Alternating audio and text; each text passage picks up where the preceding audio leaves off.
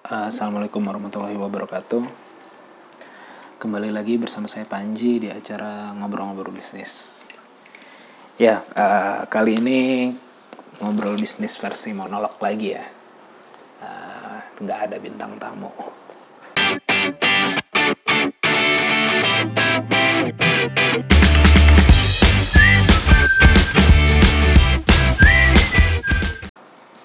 Sebenarnya masih ada beberapa stok uh, yang ngobrol dengan bintang tamu sih.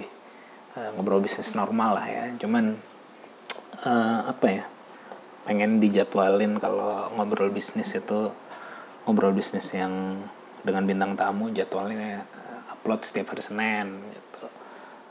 Nah terus kalau dalam yang ngobrol bisnis uh, monolog pengennya seri Jumat walau kayaknya yang monolog belum tentu rutin ya. Uh, kalau yang uh, ngobrol bisnis dengan bintang tamu diusahain rutin lah setiap Senin pasti ada narasumber atau ada video dan audio yang saya upload gitu ya. Cuma kalau yang monolog ya tergantung tema yang lagi kepikiran tergantung isu yang lagi rame dan lagi sering dibahas di saya dan teman-teman gitu ya. Saya dan teman-teman uh, permainan saya gitu ya Uh, sekarang tuh tanggal 28 Agustus tahun 2019 persisnya jam 23.37 hampir tengah malam. Ya karena di rumah lagi sendiri uh, istri lagi pergi ke Palembang ya lagi mudik. Uh, jadi dan saya lagi gabut gini lagi nggak ada gawean. Uh, ya jadi pikirannya udahlah bikin podcast aja dadakan banget lah. Nah, sama memang lagi ada isu yang uh, apa ya lagi menarik untuk dibahas dan lagi beberapa minggu terakhir lagi di apa ya di di lingkaran pertemanan saya lagi sering dibahas gitu ya. Yaitu sesuai judulnya televisi masa bangkrut. Nah, itu sebenarnya kayak pelesetan bahwa ya kita akan ngebahas net TV ya yang motonya adalah televisi masa kini gitu.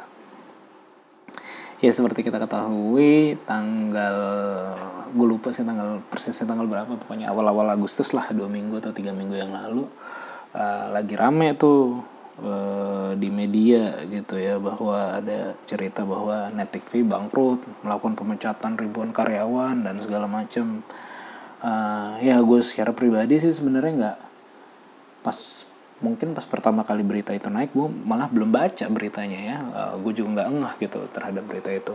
Justru gue engah malah berita tentang uh, eh, gue mulai engah pas muncul berita atau artikel tentang uh, analisa terhadap bisnisnya net TV gitu. Kenapa net TV bisa bangkrut gitu. Itu yang kayaknya pertama kali gue baca deh justru forwardan forwardan di WhatsApp gitu kan rame tuh analisa kenapa net TV bisa bangkrut. Ada yang nulis karena marketnya lah karena marketnya udah berubah lah karena terlalu idealis lah atau karena apa kayak gitu. Ada banyak. Gara-gara baca itu baru gue googling tuh baru gue googling ternyata uh, benar nggak sih beritanya bahwa net TV uh, dikatakan bangkrut? Ya ternyata sebenarnya tidak ada statement yang clear ya pada waktu itu ya sampai sampai saat ini juga mungkin tidak ada statement yang clear apakah bangkrut atau enggak? Mungkin lagi merugi iya gitu ya. Cuman kalau bangkrut bangkrut kan sebenarnya dikatakan bangkrut kan toilet ya tutup gitu usahanya. Toko bangkrut ya besok udah nggak jualan gitu. Tapi pada kenyataannya kan sekarang masih beroperasi ya net TV walaupun lagi naik lagi seminggu terakhir ini gara-gara ada uh, The Comment ya salah satu acara acara pertamanya net TV kalau nggak salah ya uh, itu pamit gitu. Episodenya episode pamit. Kalau di YouTube rame tuh. Uh, dokumen pamit. Walaupun saya juga belum nonton sih itu ininya apa ya isinya apa. Tapi kayaknya beneran pamit deh. Uh, beneran tidak tidak lanjut lagi ya acara dokumennya nah terkait dengan net TV-nya sebenarnya nah pas isu itu naik uh, muncul analisa-analisa itu uh, dan saya baca-baca tentang uh, di berita gitu ya tentang net TV walaupun belum dibilang pa, pa, apa uh, bangkrut ya uh, terkait dengan karyawan di PHK juga sebenarnya nggak benar ya bahwa karyawan memang diminta mengundurkan diri gitu ya bukan di PHK kalau di PHK kan uh, diputus hubungan kerja secara langsung tapi ini kalau mengundurkan diri kan mereka diminta untuk mengajukan karena kalau diminta untuk mengajukan kan artinya bisa bisa apa namanya bisa dapat pesangon lah kayak gitu. Sedangkan kalau di PHK mungkin uh, apa ya terlalu mendesak. Nah cuman ketika baca-baca itu saya jadi keingetan buku yang saya baca bukunya Erick Thohir. Dan ini juga karena beberapa minggu terakhir sering diskusi sama orang salah satu yang terangkat ya ini lagi ini lagi gitu ya bukunya Erick Thohir uh, yang judulnya pers di mata saya atau pers Indonesia di mata saya gitu. Waktu itu pas lagi uh, apa isu ini rame sempat saya kayak capture saya foto dan saya taruh di Instagram sih sebagai buku rekomendasi. Nanti mungkin bisa dicek. Uh, ya saya jadi ingat buku itu yang isinya yang salah satu konten awalnya ya dan sebagian besar ngomongin di di, di buku itu adalah uh, bahwa bisnis media itu sebenarnya kayak bisnis as usual aja sih. Uh, yang punya tantangannya masing-masing gitu ya. Uh, bahwa ada stigma bisnis media itu adalah bisnis yang idealis uh, bahwa bisnis media itu adalah bisnis yang apa namanya terbebas dari uh, pengaruh kekuasaan atau pengaruh pemilik modal uh, dikatakan oleh Erick Thohir di buku itu sebenarnya nggak benar ya. Bahwa setiap bisnis ya pasti punya idealisme. Jadi justru dia mempertanyakan kalau kenapa cuma bisnis media yang idealis gitu. Harusnya mah semua bisnis juga uh, idealis gitu. Jadi sama aja kayak bisnis lainnya dan justru dia mengatakan bahwa uh, ya pada intinya sih dia mengatakan bahwa ya perlu kompromi lah perlu kompromi antara uh, pemilik bisnis atau pemilik modal dengan konten kreatornya gitu dengan kreatornya atau dalam konteks bisnis media ya jurnalisnya dengan uh, produser eh dengan sutradaranya gitu. Jadi uh, harus ada pertemuan uh, harus ada kompromi antara pemilik modal dengan dengan apa jurnalisnya atau dengan sutradaranya atau dengan yang megang acara tersebut lah gitu ya. Uh, atau megang konten tersebut dan juga dengan kompromi dengan melihat pasar. Uh, uh, nanti coba dibaca di bukunya. Soalnya menurut menurut gue sih bagus banget itu ya ya karena kita bisa lihat sendiri ya Erick Thohir uh, sebagai pengusaha media juga terbilang sukses gitu ya. Dia punya beberapa radio gitu ya beberapa grup radio beberapa media juga dan beberapa uh, juga di televisi gitu ya. Jadi jadi uh, omongannya ya sesuai dengan yang apa yang dia omongin apa yang dia jalanin sama lah ya gitu. Nah balik lagi ke konteksnya si uh, net TV hmm, kenapa dia mungkin bisa diisukan bangkrut atau mungkin belum sampai benar-benar bangkrut lah tapi punya permasalahan keuangan? Ya mungkin karena ya seperti kita tahu acara net TV itu bagus-bagus banget gitu ya. Uh, high quality HD gitu ya secara dari kualitas produksinya. Yang kedua dari sisi acaranya dari sisi acaranya sendiri juga keren-keren gitu ya. Gue termasuk salah satu yang uh, dengerin dari uh, nonton dari awal ya ketika The Comment pertama kali dulu The Comment sahur itu waktu pas tahun berapa ya lupa juga sih. Uh, mulai muncul terus Sarah Sehan uh, terus juga dulu ini eh bukan ini talk show dulu apa ya yang Vincent Desta tapi dulu masih Ari Untung. Uh, Tonight Show itu kan uh, stylenya kayak film-film eh, kayak acara-acara TV di luar negeri gitu. Jadi uh, cukup menghibur dan beda gitu. Jadi secara pribadi gue sebenarnya lihat kontennya bagus sih acara-acaranya bagus. Cuman dan gue gue rasa banyak yang bilang banyak yang berkomen berpendapat sama ya bahwa memang native itu bagus. Tapi masalahnya acara yang bagus itu uh, cocok nggak sama marketnya gitu. Cocok nggak dengan uh, ya tadi udah ada kompromi belum dengan dengan kepentingan bisnis. Acara seperti itu bakal ada apa ya bakal ada yang iklan nggak di situ gitu. Sedangkan kalau kayak saya secara pribadi uh, atau mungkin teman-teman saya yang saya tanya ya nontonnya TV nontonnya di YouTube rata-rata gitu ya. Jadi sudah tidak lagi nonton di TV mungkin uh, dua tahun belakangan ini ya dan kebanyakan kita kayaknya memang sudah mulai nonton TV itu di YouTube gitu. dan mungkin kayaknya itu jadi jadi salah satu masalah lah kenapa kenapa mungkin ada permasalahan keuangan tidak bisa melihat bisnis. Dan Wisnu Tama sebagai CEO-nya itu ya dia sangat bagus ya dalam dalam membuat acara gitu.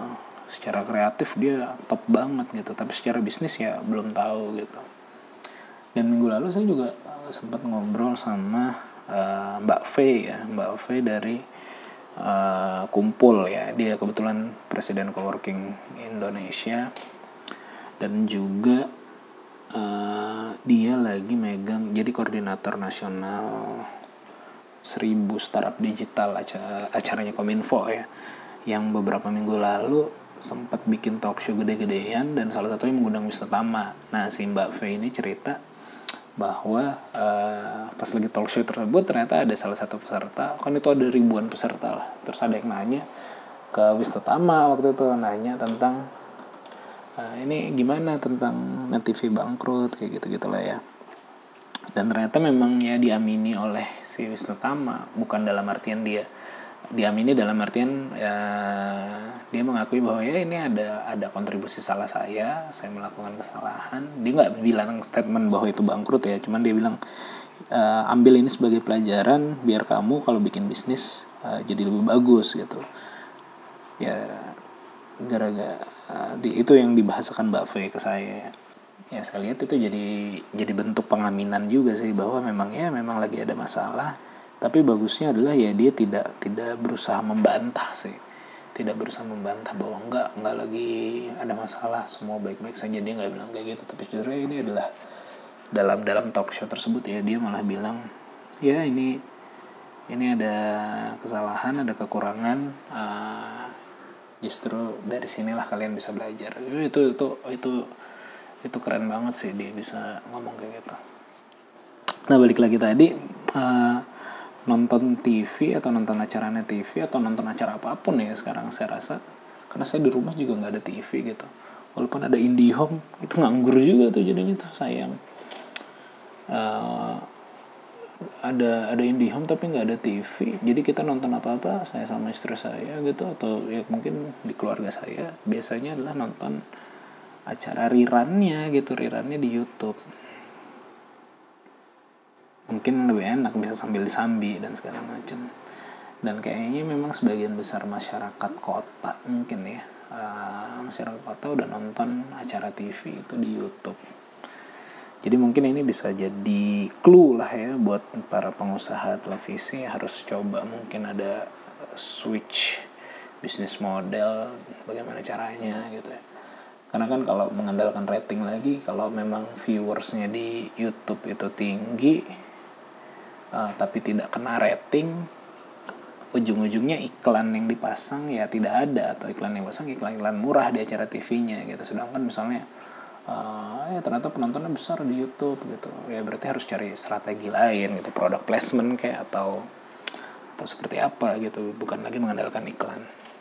Ya tapi nggak tahu juga ya ini karena saya nggak bergerak banyak di bisnis tersebut. Cuman saya rasa memang itu perubahan zaman sih uh, harus disikapi dengan bijak lah ya. Harus dan itu sesuatu yang wajar sih. Kalau ngeliat-lihat zaman-zaman dulu kan juga apa zaman zamannya apa radio tersaingi dengan televisi itu kan kejadian juga ya. Dan mungkin sekarang jadi karmanya bagi televisi adalah tersaingi dengan internet gitu kan.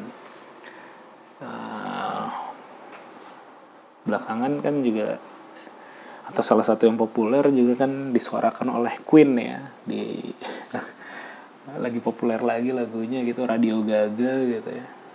Yang membicarakan bahwa tentang ya radio udah mulai ditinggalkan. Kalian nontonlah eh kalian uh, sudah pada suka televisi sekarang. Lupa ya sama radio kayak gitu gitu atau zaman zaman yang sama gitu kalau nggak salah ya. Eh itu radio gagal 80-an ya sekitar segitu lah 80-an awal atau 70-an akhir. Uh, ada The Buggles ya. Ini bukan zaman saya ya cuman cuman saya memang seneng dengerin uh, musiknya juga ya. Ada namanya band The Buggles dia bikin uh, lagu judulnya Video Kill the Radio Star ya. Itu kayaknya uh, cukup terkenal ya sampai sekarang juga mungkin. Uh, Video Kill the Radio Star ya kurang lebih sama lah ketika munculnya televisi uh, yang pakai video itu sudah mulai membunuh-bunuhin atau mengalahkan uh, bintang radio lah tadinya. Hanya sebagai tadinya bintang radio uh, tapi kalah gara-gara adalah televisi isu-isu yang sama lah gitu ya dan mungkin ya sekarang juga kejadian pada televisi gitu ya.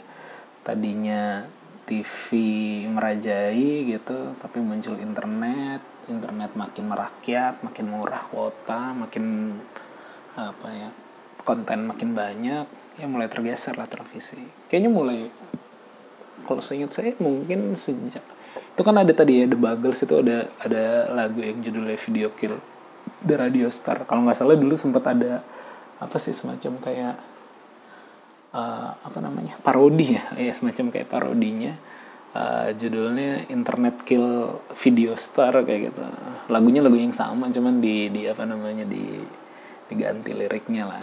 Kalau nggak salah itu tahun-tahun 2010 bahkan ya udah 9 tahun yang lalu. Atau 2000 atau atau tahun berapa ya saya juga agak lupa. Ya pada pada intinya sih bisa aja perubahan zaman itu terjadi atau pergantian zaman lah pergantian teknologi pergeseran teknologi gitu. Ya cuman ya harus disikapi dengan dengan bijak juga lah uh, bagi pemain bisnis uh, gimana caranya bisa mengikuti perkembangan zaman dan dan tetap maju gitu bisa tetap bisa berkembang bersama bahkan menunggangi kalau misalnya menunggangi pergantian zaman ini gimana caranya biar tetap keep up gitu ya. Hmm, ya itulah tentang net TV nah gara-gara ngomongin TV itu ini juga nih saya rekomendasiin ada ada film ya ada film bagus eh bukan film ada mini series bagus. Kayaknya ini mini series sudah saya tonton mungkin 2014 pak ya ya sekitaran 2014 apa 2015 gitu ya. Judulnya American Genius mini series di History Channel kalau nggak salah. Mungkin sekarang ada juga di Netflix ya. Atau di mana ya? Nggak tahu lah. Uh, kalau nggak salah mungkin ada juga di Netflix. Uh, American Genius uh, itu satu apa namanya 8 episode ya ada 8 episode dan setiap episodenya itu menceritakan tokoh tokoh-tokoh Amerika yang saling bersaing gitu. Di episode pertama uh, yang paling memancing waktu itu adalah uh, episode pertama tuh versusnya Steve Jobs sama Bill Gates gitu. Episode kedua tuh uh, apa ya uh, Tesla sama Edison kayak gitu gitu lah saya lupa lah pokoknya ada banyak lah. Terus ada juga tuh Pulitzer sama siapa gitu. Uh, antara wartawan apa uh, antara koran dengan koran lainnya. Nah kaitannya sama ini ada juga di situ diceritain apa namanya di American Genius itu kisahnya Franz Ward versus Sarnov ya. Ya seperti informasi yang kita ketahui kan kalau kita dulu lagi SD belajar siapa penemu televisi kan jawabannya Fransworth ya. Pilo Fransworth ya. Saya cara bacanya nggak tahu sih. Kayaknya sih Pilo Fransworth ya. Nah di film itu juga kayak gitu gitu. Diceritain bahwa oh ya uh, salah satu uh, penemu penemu televisi adalah Pilo Fransworth gitu. Tapi di pada saat kalau nggak salah tahun tahun 20-an ya sebelum perang dunia 2 sebelum perang dunia 2 uh, 1920-an si Fransford ini Fransford ini sebenarnya ini apa rakyat jelata lah. Apa ya anak anak muda biasa gitu bahkan dari kampung gitu. Cuman dia punya visi yang gede gitu ya. Jadi memang sejak SD atau sejak SMP gitu dia memang senang banget sama kalau di film itu ya di mini seriesnya itu diceritain. Dia senang sama matematika gitu. Nah malah malah pas lagi SMA dia sempat sharing uh, apa namanya dia sempat sharing ke guru fisikanya tentang desain dia terhadap desain dia uh, terhadap televisi gitu. Dia punya bayangan oh televisi ini harusnya bisa dijalankan seperti ini gitu ya dengan elektronik ya elektronik televisi ya karena pada zaman itu televisi udah ada gitu sebagian. Tapi mahal. Dan yang kedua adalah bukan elektronik tapi mekanik gitu. Mekanik television. Bukan bukan seperti TV yang kita ketahui pada saat ini gitu ya. Atau beberapa tahun yang lalu gitu. Jadi elektronik television Nah, si Frankfurt tuh dari SMA udah mulai desain, desain, desain ini ya rancangannya ya, uh, rancangan televisi ini secara konsep, cara kerjanya dan segala macam seperti ini gitu. Itu dari SMA gitu udah dikasih ke gurunya.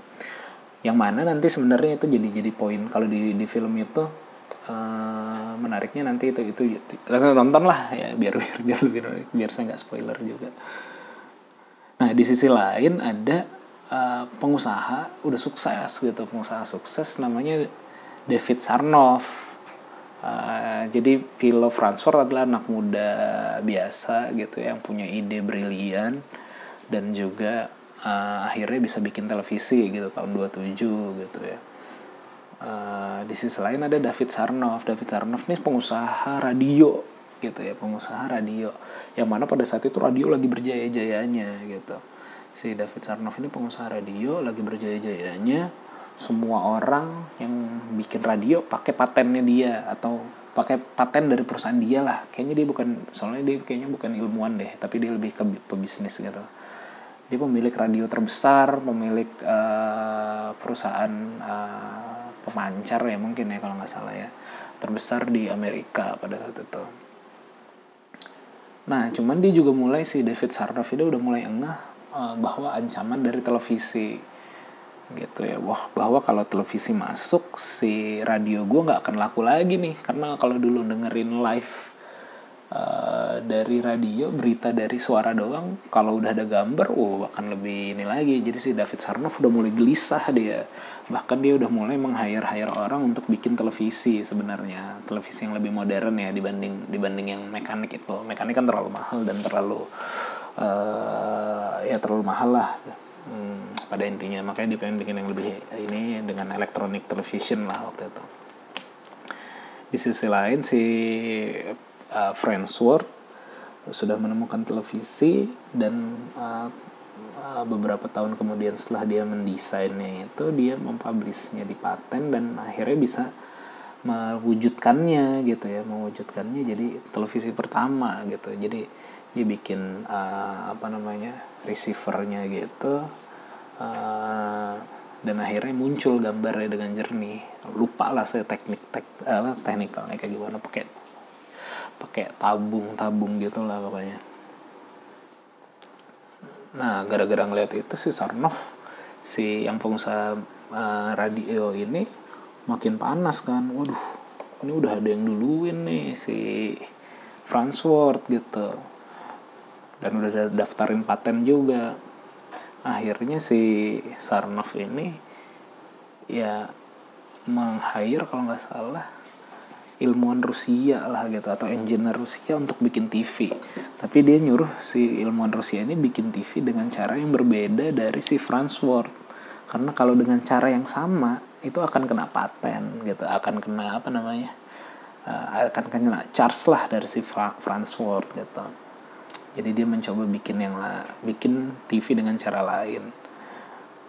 Uh, tapi gagal terus. Jadi kalau nggak salah tuh Frankfurt kalau di film diceritakan si Frankfurt tuh bisa bikin TV itu uh, atau riset dia selama ini hanya hanya hanya bisa hanya kena biaya sepuluh ribu dolar apa ya? Apa seratus ribu dolar gitu. Sedangkan si David Sarnoff tuh bisa 10 uh, si meng hire si siapa pengusaha eh, ilmuwan Rusianya itu bisa 10 kali lipat. Lebih mahal. Jadi jadi kayak nggak nggak efektif gitu dan nggak jadi jadi gitu. Jadi udah di hire lebih mahal 10 kali lipat tapi nggak jadi jadi juga. Nah terus David Sarnoff ini karena dia pengusaha udah udah udah sukses gitu. Akhirnya dia mau nggak mau apa ya pakai cara licik lah. Akhirnya si Fransford itu disu dia dibawa ke pengadilan bahwa wah ini sebenarnya si Sarno eh si Fransford nih nipu nih uh, desain TV-nya dari ilmuwan gue duluan nih kayak gini-gini ditelusuk jadi dia nggak berhak ngajuin paten. Uh, diterusuk terus walaupun si David Sarnoff tahu dia bakal kalah di pengadilan tapi dia melakukan itu ya intinya untuk memper, menghambat si Fransford karena kan Fransford uh, bukan pengusaha kaya lah maksudnya uh, startup lah ya lah startup gitu. Dapat investor juga bukan investor besar Uh, jadi dia sengaja uh, apa namanya mempermasalahkan di pengadilan agar Fransford fokus untuk uh, ngurusin pengadilan, alih-alih ngurusin bisnisnya. Wah jahat sih memang ini ya. Jadi uh, jadi apa namanya jadi dipatahkan dari sisi pengadilan biar bisnisnya berkembang. Karena dia ngurusin pengadilan lama bisnisnya nggak berkembang si Sarnov terus-terusan membayar gede si peng, apa si ilmuwan Rusia itu agar bisa bikin TV yang oke okay, gitu. Sampai ya pada akhirnya uh, ya pak akhirnya sedih sih. Jadi si Franz Fordnya ya tidak sukses si David Sarnovnya pemilik uh, akhirnya bisa menciptakan televisi dengan caranya sendiri atau kalau nggak salah eh, jangka waktu patennya sudah habis akhirnya bisa dibeli si Sarnov dan dipasarkan. Jadi uh, ya ini miris ya sebenarnya sebagai ilmuwan. Ilmuannya justru tidak dapat penghargaan lebih dibanding pebisnisnya. Ya mungkin ini kalau ngambil menelisik ke atasnya yang menelisik ke cerita obrolan kita di awal tadi ya tentang si antara uh, pengusaha kreatif gitu ya atau konten kreator lah. Dengan pebisnisnya ya mungkin akan lebih sukses pebisnisnya gitu ya. Konten-konten kreator atau dalam konteks tadi contoh si Fransford sama Sarnov ini yang sukses ya Sarnovnya. Sedangkan si pencipta TV-nya kalau di film tersebut diceritakan di akhir hidupnya dia mabuk-mabukan dan segala macam gitu. Cuman dia memang kalau di ya tonton lah filmnya sebenarnya agak dramatis gitu. Jadi secara umum sebenarnya film si American uh, apa mini series American Genius itu konsepnya kayak gitu tuh ngeversusin uh, dua tokoh lah yang hidup pada satu zaman dan bergerak di industri yang sama. Uh, ya yeah, recommended lah. Kalau misalnya kalian gak sempat nonton mungkin nanti setiap episodenya akan saya bahas masing-masing di uh, apa di podcast monolog ini. Ya mungkin itu aja karena udah malam juga. Uh, dan kucing saya ini kayaknya mau keluar. Ya udah gitu aja untuk uh, hari ini. Semoga ada manfaatnya. Kalau ada yang mau ditanyain uh, untuk di podcast ini sebenarnya saya tinggalin email juga di deskripsi ya uh, email saya tuh gmail at panjiprabowo.com itu nggak kebalik ya jadi memang uh, domain saya panjiprabowo.com uh, nama email saya biar keren aja gitu ya gmail at panjiprabowo.com Oke, sekian semuanya. Terima kasih sudah mendengarkan. Assalamualaikum warahmatullahi wabarakatuh.